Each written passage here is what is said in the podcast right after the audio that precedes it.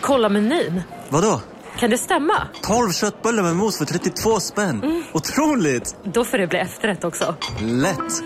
Onsdagar är happy days på IKEA. Fram till 31 maj äter du som är eller blir IKEA Family-medlem alla varmrätter till halva priset. Vi ses i restaurangen på IKEA. Demideck presenterar Fasadcharader.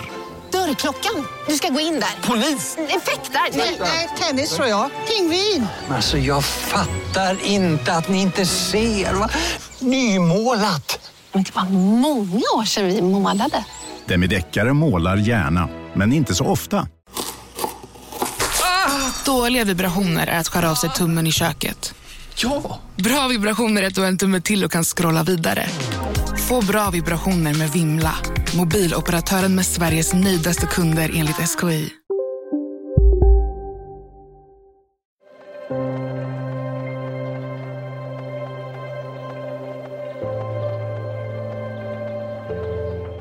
De kommer från ingenstans. Lodräta rasbranter som reser sig ur den blåsiga slätten längs med riksväg 44 i riktning mot Trollhättan.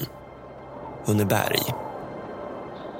Efter mil av monoton körning går det inte att missa. Ett 90 meter högt platåberg täckt av tät skog breder ut sig över 70 kvadratkilometer. Med sina grottor, sjöar och skogsmarker bildar Hunneberg ett unikt natur och kulturarv som varje år lockar mängder av naturintresserade och svampplockare. Området är också spelplats för kungens traditionsenliga älgjakt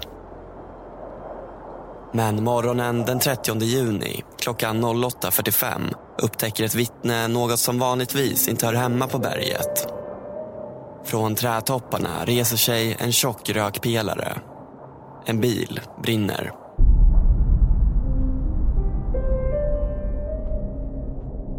Jag heter Karl Fridsjö och du lyssnar på den första delen av en mörk historia om försvinnandet i Dannebacken.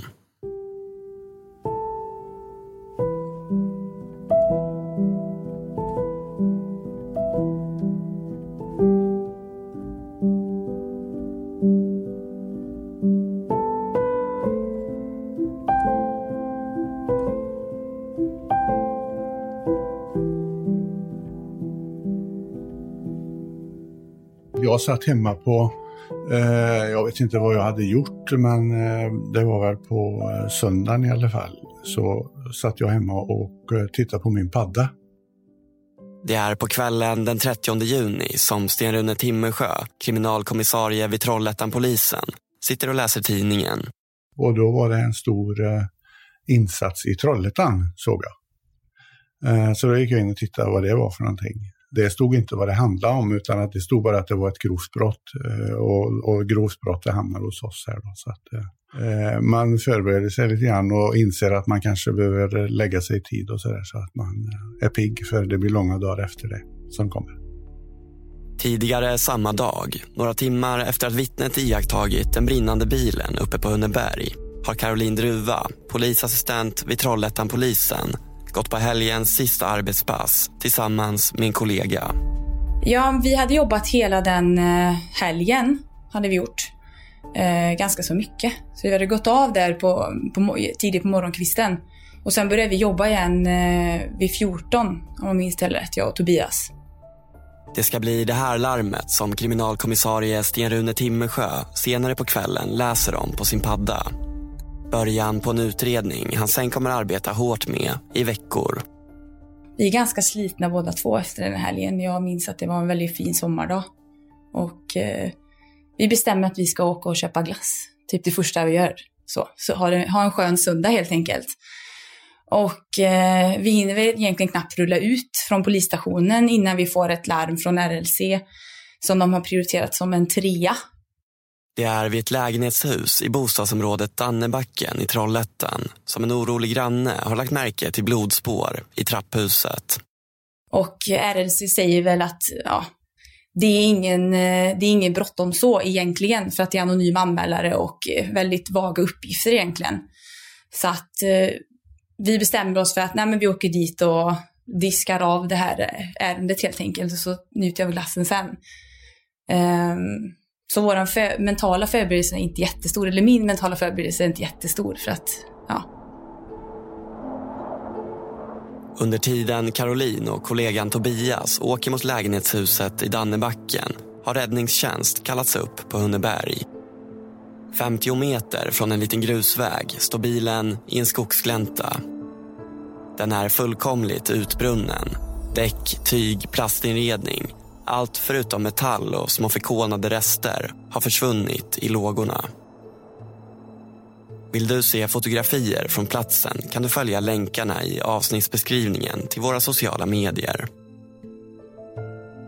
För ett ögonblick överväger brandmännen att avvakta med släckningsarbetet tills polisen hunnit genomföra sin tekniska undersökning.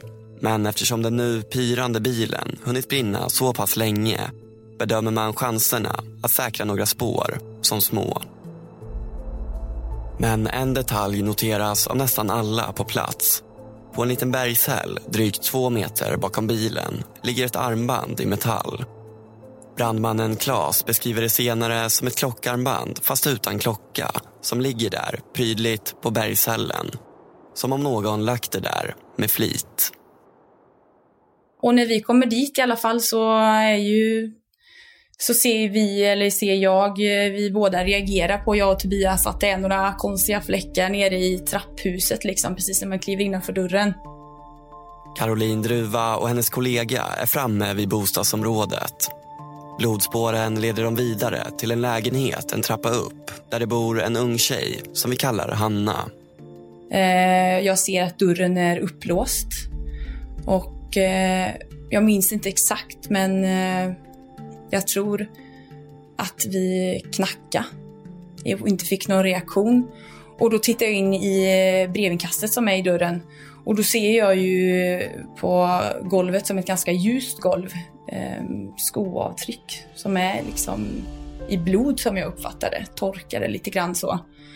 Och eh, då bestämmer vi oss för att gå in och vi, eller jag känner ju och min kollega känner ju att eh, det är något allvarligt liksom. Eller vi snäpper, vi snäpper upp oss där helt enkelt. Eh, och eh, vi öppnar upp dörren där eh, lite snabbt och skriker polis. Får ingen reaktion. Det är ingen som säger någonting. Det är väldigt stilla i lägenheten. De rör sig försiktigt in i lägenheten. Direkt till höger är det köket. Och jag, vi ser ju direkt en jätteblodpöl som vi uppfattar det på eh, golvet, mitt på golvet. Och eh, eh, den har liksom, eh, runt den här pölen så är det ju att jag torkat lite grann och även skospår som vi uppfattar det. Mina tankar går ju hela tiden, var, var, var är hon? Liksom, hur mår hon? Lever hon? Vi måste hitta henne fort. Om det finns någon möjlighet att eh, rädda livet på henne. På det blodiga golvet i köket ligger två mobiltelefoner. Och de vibrerar och ringer emellanåt. Eh, det är tänt över spisen, eller om det var i taket. Och på spisplattorna där så står det ju en gryta med mat i. Precis som att någon har lämnat hastigt, uppfattar vi det. De försöker att röra så lite som möjligt i lägenheten samtidigt som de systematiskt söker av rummen Inne i vardagsrummet flimrar ljuset från en tv som står på. Mittemot finns det ytterligare ett rum. Rätt fram när jag kollar in där så sitter det ett jättelitet barn med enormt stora ögon som tittar på mig. Eh, jätteförvånad och skräck i blicken på något vis. Eh, sitter i en spjälsäng och säger inte ett ljud. Kanske ett eller två år gammalt. Så, en liten pojke. Alltså som jag minns så var ju den här blöjan väldigt tung. Så jag tänker att den här lilla pojken kanske har eh, varit ensam där sedan eh, gårdagskvällen. Eftermiddag kväll, någon gång kanske. Dagen innan på lördagen. Så fort de säkrat rummen och konstaterat att lägenheten är tom tar de med sig pojken ut och larmar yttre befäl. Och det blir ju ett jättepådrag och ambulans kom ju dit och min kollega Tobias eh, som själv hade ett litet barn vid den här tiden eh, tar ju sig an den här lilla pojken och vi byter blöja på honom eller framförallt Tobias byter blöja på honom och Sen håller han ju ett järngrepp eh, kring Tobias. Eh, som jag minns det i, i flera timmar. Området runt lägenheten spärras av medan polisens tekniker påbörjar sina undersökningar. Utanför bostadsområdet är det full aktivitet och platsen fylls snabbt med allt fler människor. Poliser, ambulanspersonal och oroliga grannar. Media är tidigt på plats. Jag kom hit på måndagen då, hade varit ledig, kom tillbaka och insåg att nu är det något riktigt stort på gång här. Alltså. Lars Karlsson, reporter på lokaltidningen TTela, minns en redaktion på helspänn. Det var ju väldigt många som eh, engagerade sig. Vi fick sätta oss i något slags eh, man kan kalla det stabsläge, liksom, att det var fler och fler som involverade sig än vad man brukar eh, ha med när man ska skriva om någonting. Det dröjer inte länge innan nyheten om den pågående polisinsatsen når allmänheten. Och klockan 20.07 görs det första inlägget på nätforumet Flashback där de anonyma användarna i en tråd tillsammans spekulerar och försöker få fram mer information om vad som egentligen har hänt vid lägenhetshuset i Dannebacken. Spekulationer som senare ska visa sig få avgörande betydelse för utredningen. Alltså hela den dagen är ju extremt intensiv och efter vi... Caroline har varit vid lägenheten i flera timmar när hon sent på kvällen till slut kan åka tillbaka till polisstationen. På vägen in handlar vi mat. Det är liksom min första mat som jag äter den dagen. Uh, jag, kan, jag, vi, jag var nog ganska slut alltså. mentalt just, alltså funderar ganska mycket. Så in, känner mig, eller liksom jobbat som polis men inte jätteerfaren så. Eh, och då handlar det ju om att börja avrapportera. Och jag får ju uppgift att skriva det PMet om våra första iakttagelser på plats. Och det är en extremt viktig uppgift att liksom få med alla små detaljer som kanske kan vara avgörande i slutändan av ärendet. Morgonen efter kommer kriminalkommissarie Sten-Rune Timmersjö tidigt till kontoret på polisstationen i Trollhättan. Än så länge vet han inte mer än den knapphändiga information han läste sig till i media kvällen innan. Men det råder inga tvivel om att det rör sig om något allvarligt. Ja, alltså att det har hänt ett grovt brott, det förstod vi ganska snart för att det var ju väldigt mycket blod i lägenheten. Oerhört mycket blod. Eh, sen vad som hade hänt, för alltså man, eh, när man kommer in i en lägenhet med mycket blod eh, så vet man ju inte exakt hur mycket det är. Och, och, blod har ju en förmåga att smeta ut sig och synas. Så att, eh, om det var en liter eller tre liter, det vet vi inte. Så vi vet ju inte om det är någon som är död eh, direkt eller eh, ja, om det är någon som är svårt skadad och förd till sjukhus. Det vet man ju. Polisen har fortfarande inte fått någon mer information om var Hanna, den 23-åriga småbarnsmamman som bor i lägenheten, kan befinna sig. Hennes anhöriga har inte heller några svar men säger att hon aldrig någonsin skulle lämna sitt barn ensam. Vi, jag vet ju fortfarande inte riktigt vad som har hänt. Eh, en massa blod i en lägenhet och så, det kan det ju ja, det kan hända. Vi får ju liksom börja med kanske att söka av sjukhus och såna här saker och se om vi kan hitta något eh, som kan ha inträffat den vägen. Men det visar ju sig ganska snart att det var ju ingenting. Eh, så att vi förstod ju där fram på förmiddagen kanske, eller ja, ganska tidigt på förmiddagen att det var ju någon som var borta helt enkelt. Polisen kan väldigt snart konstatera att den bil som brann uppe på Hunneberg tidigt på söndagsmorgonen förmodligen har ett samband med Hannas försvinnande. Alltså det var ju fram på förmiddagen där också i och med att eh, liksom det här rullades upp, det här eh, troliga scenariot då, eller att den här mm, tjejen var borta och så där vidare och sen vilket umgänge hon hade och så vidare och så vidare så kunde det Eh, sätta sig samman med detta. Så att, eh, vi, vi, jag kan nog säga att det var väldigt tidigt på, på måndag morgon där som vi kunde koppla ihop händelserna. Det har gått nästan två dygn sedan Hanna försvann och kanske kan bilen vara nyckel till vart hon befinner sig.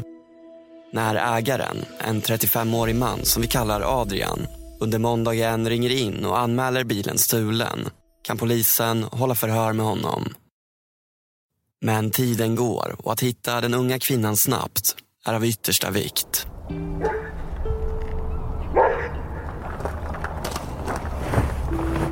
Övningssök.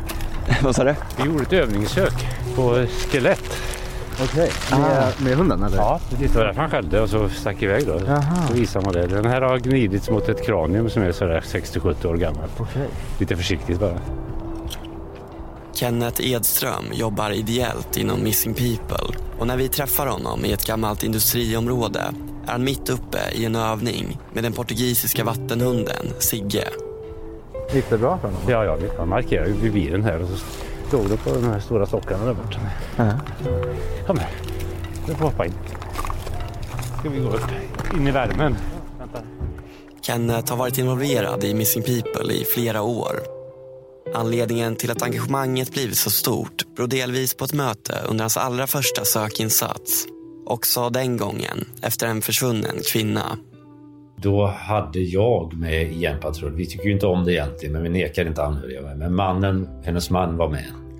Och då kände jag liksom när man såg honom och pratade med honom och så här så, så kände jag det att det här måste vara bland det mest fruktansvärda man kan råka ut för. va. Och när det väl har satt sig då, i, någonstans i hjärtetrakten, så, så det är väldigt svårt liksom att inte fullfölja om man har möjlighet att fortsätta med det. Och sen kan jag säga, min pappa försvann när jag var runt tio år. Inte länge, men han försvann eh, fram, från klockan tio på kvällen fram till klockan två på natten. Han gick vilse när han var ute och fiskade helt enkelt. Och den, alltså den skräckkänslan, när jag tänker på det, då kommer den tillbaka. Kort efter den där första sökinsatsen beslutar sig Kenneth för att starta upp en lokal Missing People-avdelning i Fyrbodal.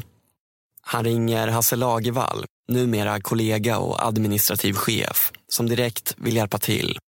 Ja, jag fick ju kicken att eh, vara med på det första söket i Missing People. Det var ju, mm, min svärmor blev dement på gamla dagar och försvann i Göteborg vid ett antal tillfällen. Och man insåg ju då när hon var borta för fjärde gången att eh, hur lite samhället egentligen har resurser till att söka efter en sådan person. Det vill säga inte alls. Det blir snabbt skarpt läge för den bara någon månad gamla lokalorganisationen. Kort efter att polisen gör upptäckten i lägenheten kontaktas Kenneth för att organisera en sökinsats efter Hanna. Vi hade ju ingen erfarenhet av att leda själva, men vi hade förberett oss väldigt mycket. Vi har haft väldigt många möten där vi har gått igenom hur vi skulle göra och så, ifall det hände. Jag hade egentligen inte speciellt mycket information om mer än att eh, bostaden, eh, att det fanns blod i trappuppgången. Så att eh, vi hade inte så mycket att gå på utan vi, vi gick på det som vi alltid gör egentligen när vi inte vet någonting. Det, vi har någonting som kallas SSP, senast sedda position. De sätter genast igång med att planera sökinsatsen utifrån de uppgifter de har att gå på. Då, när samtalet kommer, har de ingen samlingsplats och knappt någon utrustning. Ett halvt dygn senare har de fått tillgång till en tennishall där de väntar på att de frivilliga ska dyka upp. Att det skulle komma många hade vi ju räknat med. Det, det, det kan man se utav trafiken då på när man lägger ut en efterlysning eller en kallelse till samling. Om det blir mycket delningar och mycket kommentarer runt omkring det. Och mycket telefonsamtal till den kontaktperson som vi anger då vid eh, när man kallar till skallgång. Det visar sig att totalt 218 personer kommer till tennishallen vid det första söktillfället. Men att det skulle komma så många, det, det hade vi ju inte riktigt räknat med. De ger sig ut i sommarnatten för att leta efter Hanna. Det regnade och det var kväll. Det var i och för sig sommar så att eh, det vart ljust ganska länge och det blev ljust tidigt. Men vi hade inga ficklampor till exempel till våra sökare. Och vi hade väldigt dåligt med västar. Vi hade 50 västar och sex ficklampor allt som allt. Så många sökare de gick ju omkring och lyste i buskage med sina mobiler och i den mån de inte hade tagit med sig egna ficklampor. Medan Missing People söker i området runt Hannas bostad har polisen börjat förhöra två män som de bedömer som intressanta i utredningen. Adrian, den 35-årige man vars bil hittades utbrunnen på Hunneberg och hans 31-årige kompis som vi kallar för Viktor. Ja, alltså det var så här att, att eh, de här båda eh, misstänkta då, eh, de hämtades in och hördes. Och eh, de lämnade två helt olika berättelser. Adrian berättar att sista gången han såg sin bil var när han parkerade sent på lördagen, kvällen innan polisen larmas till Dannebacken. Vi hör honom yogamatta är på väg till dig, som gör att du för första gången hittar ditt inre lugn och gör dig befordrad på jobbet men du tackar nej för du drivs inte längre av prestation. Då finns det flera smarta sätt att beställa hem din yogamatta på. Som till våra paketboxar till exempel. Hälsningar Postnord.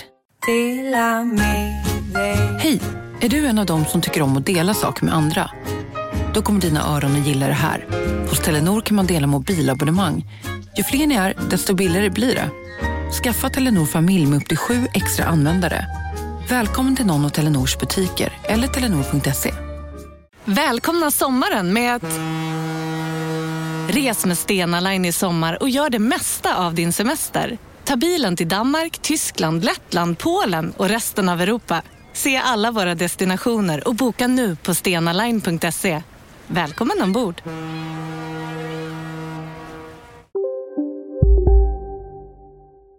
I tingsrätten. Och sen framåt småtimmarna, jag kan inte säga någon exakt tid, det finns ju då telefonlistor, och så ringer Andreas till mig. Mm. Jag vet inte, jag, jag tror det var strax efter midnatt. Jag ringde han, jag hade gått och lagt mig, eller jag ligger oftast i sängen och har datan i anslutning till sovrummet. Så då ringer han mig och jag ser att det är Andreas som ringer på min display. Och svarar då givetvis så, hallå, Ja, det är Andreas. Eh, kan du komma in till Trollhättan? Ja, vad är det som hänt? Liksom, hörde på rösten att han, ja, det var någonting som inte stämde. Han kände sig, ja, jag kan inte exakt säga hur han kände, men det lät som att det var något bråk på gång. Och då givetvis är ju följdfrågan, ja, vad är det som hänt då? Liksom, jag vill ju ändå ha lite på benen mm. innan jag ger mig in i något. Och då var det några missbrukare, eller det ordet narkoman eller missbrukare som återkommer i huvudet på mig. Och som sagt, jag vet ju lite av egen erfarenhet hur vissa missbruk kan bete sig i situationen. Så jag tänkte det, jag kalkylerar fort i huvudet, liksom, hur ska jag lösa det här? Liksom, det är inget ord om, det, jag får åka in. Hjälpa Andreas. Efter samtalet med den hotade vännen, Andreas Johansson, hämtar Adrian upp Viktor hemma hos honom och de åker sen tillsammans och möter upp Andreas vid en idrottsplats i Trollhättan Andreas står vid sin motorcykel när de träffar honom. Han är något skärrad men förklarar att den hotfulla situationen har lagt sig. Efter att ha pratat en stund bestämmer de sig alla tre för att åka hem till Adrian där de sen tillbringar resten av natten. Andreas Johansson är inget okänt namn för Sten-Rune Timmersjö. Jag känner till ganska mycket om honom. Han har varit eh, misstänkt eh, i flera ärenden här hos oss tidigare. Och eh, han hade väl, eh, han har haft eh, flera kontaktförbud och så vidare. Och eh, eh, han har ju en historia som går långt tillbaka här i Trollhättan sedan han var ganska ung. Kort efter förhöret blir Andreas Johansson anhållen i sin frånvaro. Dagen efter kommer han självmant in till polisstationen tillsammans med sin advokat. Han har förstått att polisen vill prata med honom i sitt förhör nämner han varken något telefonsamtal till Adrian eller att de träffats under lördagsnatten. Däremot berättar han att han upplevt sig hotad den kvällen. Han var hemma hos Hanna. De lagade mat och umgicks när hennes före detta pojkvän ringer till henne. Efter att Andreas tagit över luren blir expojkvännen hotfull och säger att han ska komma dit. Andreas, som inte vill ha några problem, väljer då att lämna lägenheten och åka hem till Jönköping.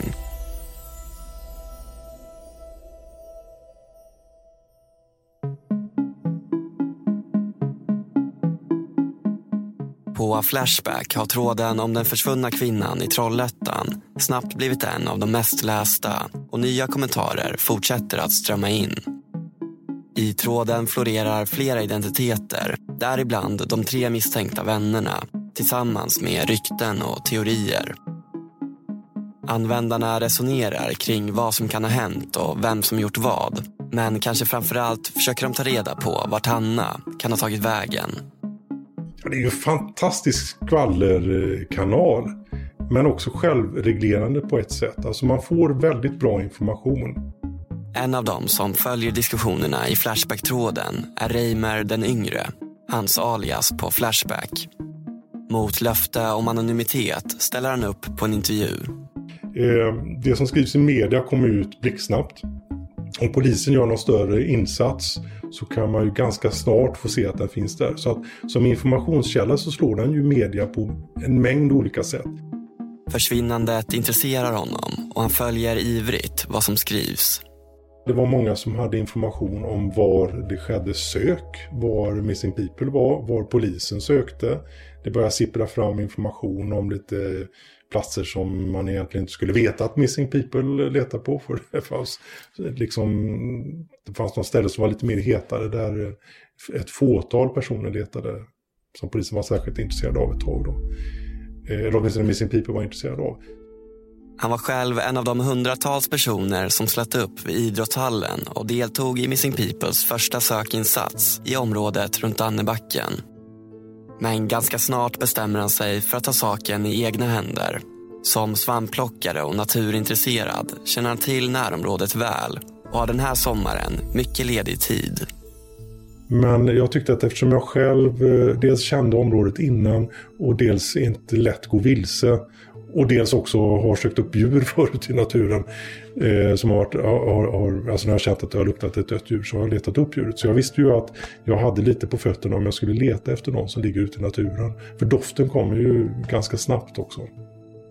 Reimer den yngre har ingen koppling till fallet utan vill helt enkelt göra det han kan för att hjälpa till i utredningen och hitta Hanna. Men ordet privatspanare vill han helst inte kännas vid. Ja, det är ju lite därför jag vill vara anonym. Jag vill inte vara en eh, privatspanare. jag vill inte bli känd som det. Alltså, eh, de inblandade vet ju vem jag är. Så det är inte därför jag vill vara anonym, för de ska veta vem jag är. Men, men jag tycker det är lite pinsamt. Jag vill inte bli förknippad med det här som person. om man säger så. Men Reimer den yngres roll i utredningens periferi ska visa sig bli svår att hålla fast vid.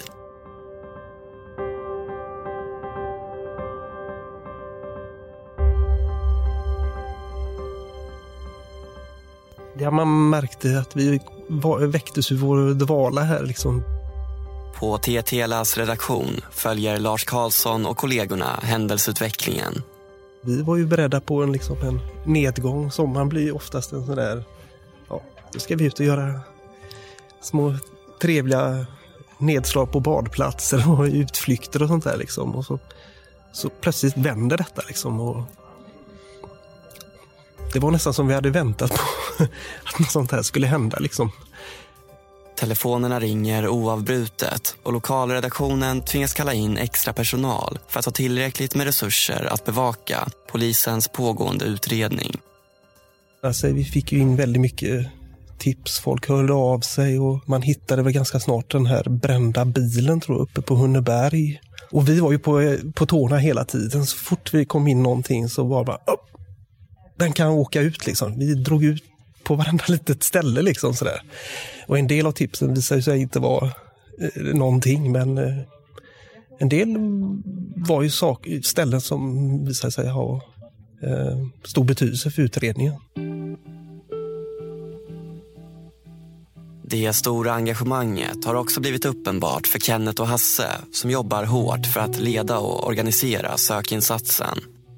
När den officiella räkningen gjorts ska den visa sig bli Missing Peoples dittills största med över tusen frivilliga sökare.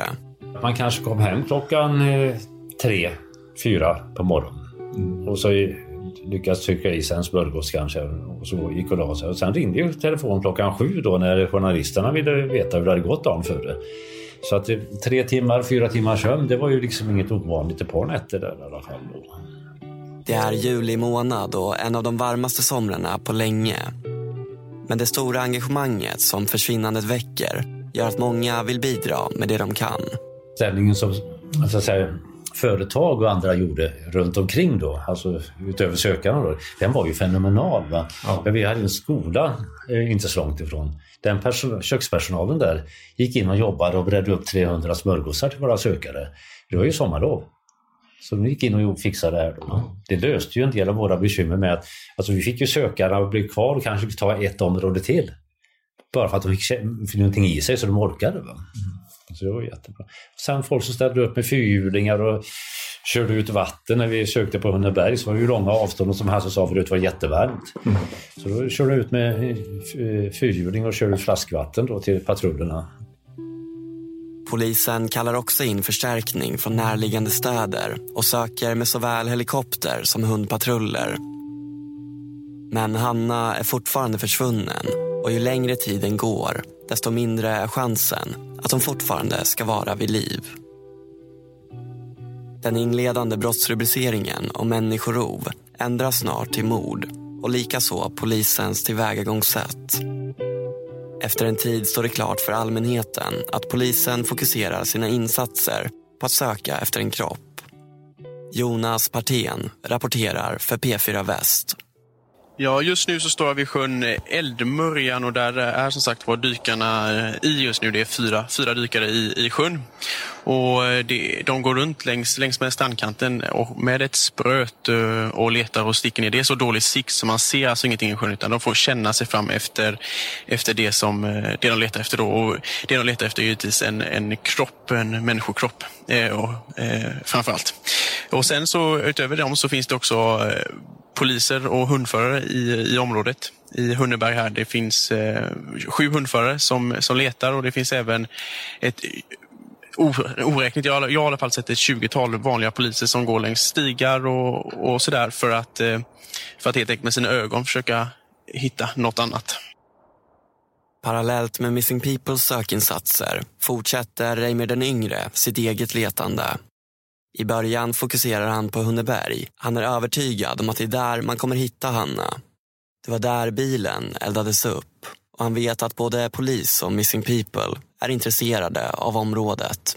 Då tror man lite naivt att okej, okay, jag åker med ett lik i lasten. Jag hittar någon plats ute i naturen som ser ut att vara lämplig att dumpa ett lik. Men jag märkte ju det att varje gång jag stannade så blev jag ju så att säga lite besviken. För det var blåbärsris eller det var svampmarker. För det är väldigt mycket sånt här omkring. Och vill jag gömma ett lik så dumpar jag den ju inte i blåbärsris eller där någon går sen och letar efter svamp. Så jag kom fram till att skulle jag gömma ett lik så skulle jag gömma den på en plats som jag känner till på förhand. Där jag kan liksom inse att här är det inte många som rör sig. Han söker metodiskt och hans rutter tar oftast form på förhand framför datorskärmen. Med hjälp av satellitbilder skannar han av trängen för särskilt intressanta platser. Han vet om misstänktas identiteter och genom att pussla ihop bitar av information skapar han egna teorier om vad som kan ha hänt. Strategin är ständigt försöka sätta sig in i huvudet på en förövare. Ja, jag försöker ju tänka hur jag själv skulle bära mig åt om jag, ville, om jag, om jag hamnar med ett lik i bagageutrymmet helt enkelt. Vad gör jag? Så försöker jag tänka och, och, det spontana är ju att jag tänker att man har inte förberett det så då borde man ju egentligen hitta någon plats bara man kör förbi. Så, så spontant alltså försökte jag tänka vad gör jag om jag har ett lik i lasten? Nu har jag försökt hitta en bra plats att dumpa den på. Så det var ju min, min grundtanke och det är väl så det fungerar. Av oro för att bli stämplad som privatspanare söker Reimer den yngre i det fördolda. Men på Flashback, bakom sitt anonyma alias, är han en av de mest frekventa postarna och håller hela tiden kontakt med andra användare för att utbyta information och tankar. Ja, det är definitivt ett samarbete. För att några av oss eh, skickar ju PM och så vidare och var ganska öppna med vad som hade skett och sagt och vad Missing People har gjort och hela den smitten. Så att man fick ju väldigt bra kontakt. Om man själv visade att man var seriös så kunde man själv få information som inte andra fick dessutom. Så det var... Lite som en grupputredning. Ja, ja, exakt. kan man säga. En sidutredning, vad kallar man det? Skugg, skuggutredning. Även polisens utredning har gått framåt. Delvis på grund av vittnesuppgifter.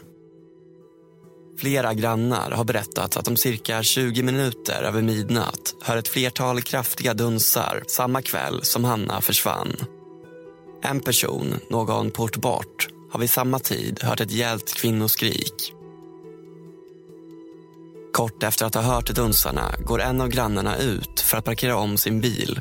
På vägen tillbaka noterar han att porten till Hannas trapphus är uppställd med hjälp av en dörrmatta och att en person står vid ett buskage och pratar i telefon. Mannen är kraftigt tatuerad på armarna. Ett signalement som stämmer överens med Andreas. Några kvarter därifrån bor en ung man. Han sitter och spelar datorspel när han vid klockan ett-tiden tar en paus. Genom köksfönstret ser han en Volvo S40 köra i riktning mot lägenhetshuset i Dannebacken. I och med att gatan inte är så väl trafikerad, i synnerhet på natten så antecknar han de fem första tecknen av registreringsnumret på en lapp. När han några dagar senare läser bland identiteterna som florerar i Flashback-tråden lyckas han addera den sista siffran som saknas. Den matchar bilen som stod i lågor på Hunneberg. Bilen som Adrian anmält stulen. Jag, jag, jag eh, tyckte att de skulle anhållas för att det var ju ett eh, grovt brott som hade hänt och, och så vidare. Men åklagaren tyckte inte det fanns tillräckliga skäl för att anhålla dem. Vi var ju ganska säkra på att de här tre var inblandade. Det var vi ju ganska säkra på tidigt och eh, det hade ju varit eh, naturligtvis jättebra att ha haft dem häktade hela tiden. Men nu blir det inte så. Men det är klart att man blir orolig. Sten-Rune och hans kollegor på polisen blir allt mer övertygade om att de tre vännerna har betydligt mer att göra med vad som hände i lägenheten än vad de vill berätta. Men för att få till stånd en häktning krävs mer än så. Alltså den största utmaningen det är ju då att hitta bevis naturligtvis som gör att vi kan häkta dem och få lite lugn i utredningen och, och eh, få eh, ja, undersöka spår och sådana här saker då framöver i, i ett lugnare, lite lugnare, under lite lugnare omständigheter. Eh, nu var det ju så att eh, Andreas han blev ju då föremål för häktning där men eh, eh gick loss vid första häktningen. De tyckte inte att eh, det var tillräckligt starkt mot honom. De hinner bara hålla två förhör med Andreas innan de nås av beskedet att det inte finns tillräckligt med bevis för att hålla honom kvar. Kort efter att han släppts på fri fot lämnar Andreas landet och åker till Polen. Ja, det försvårade ju lite grann på det sättet att då satt ju han där nere och då skulle det väl ju till en massa eh, vad heter det, rättshjälpsbegäran och liksom få han utlämnad och då ska man ha en förhandling och man ska övertyga eh, den andra ehm, eh, nationen då om att han är misstänkt för detta och så vidare. Så det, det försvårar det hela, det gör det. Och det krånglade till det. Men det allra viktigaste saknas fortfarande. Trots fyra veckors sökande, hjälp från ett tusental frivilliga, dykningar i sjöar och hundpatruller så har Hanna fortfarande inte hittats. Även om polisen gett upp hoppet om att återfinna henne levande så är det avgörande för utredningen att hon hittas. Längre det går ju svårare är det naturligtvis spår som finns på kroppen och såna här saker, de går ju kanske inte att säkra efter så lång tid. Och, uh, ju färskare det är, så att säga, ju lättare är det att finna spår på, på kroppar och, och sånt. Uh, dödsorsaker och ja, sådana saker. Så det är ändå någon slags liksom, kamp mot klockan? Ja, det är, det är det absolut. Det är det. det, är det. Varken polisen eller Missing People har några planer på att ge upp letandet. Inte heller Reimer den yngre som precis fått kontakt med en användare på Flashback som tycks veta misstänkt mycket om försvinnandet. Om någon ställer en fråga svarar den här personen bara pang och blir aldrig motbevisad. Så jag börjar helt enkelt tro att det här är Andreas själv som sitter och, och skriver på Flashback för att han känner sig trygg och säker var han nu befinner sig. Eh, det var vad jag trodde. Jag var helt övertygad om att det var Andreas. Och eftersom jag själv kände att jag hade tömt ut min fantasi var jag kunde leta så tänkte jag om jag frågar den här personen så antingen får jag ett jättedåligt svar eller också får jag ett bra svar. Han kanske vill att kroppen ska hittas. Så jag ställde en fråga till den här personen på PM. Var tror du kroppen finns? Lite inlindat sådär. Och då fick jag svaret närmare Grästorp. Vad betyder det? Närmare Grästorp? Men liket hittades ju verkligen nära Grästorp.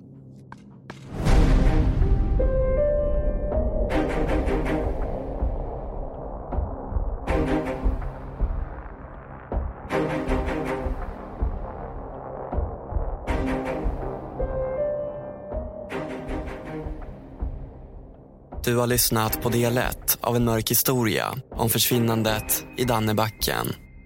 I nästa avsnitt. Det är påhittat sms som är skickat bara för att skaffa sig alibi. Och sen är hon borta efter det. Då var ju paniken ganska stor här alltså. Ett stort område kring platsen är avspärrat och vid avspärrningen står ett ljus och brinner i duggregnet. Ja, då, då går vi alltså här på den här eh, djurstigen får man väl kalla det.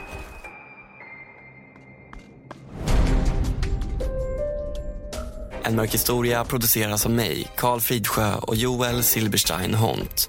Musiken kommer från Epidemic Sound. Prenumerera på En mörk historia i din podcastapp för att inte missa nästa del. Eller följ oss i sociala medier. Länkar hittar du i avsnittsbeskrivningen. Tack för att du har lyssnat.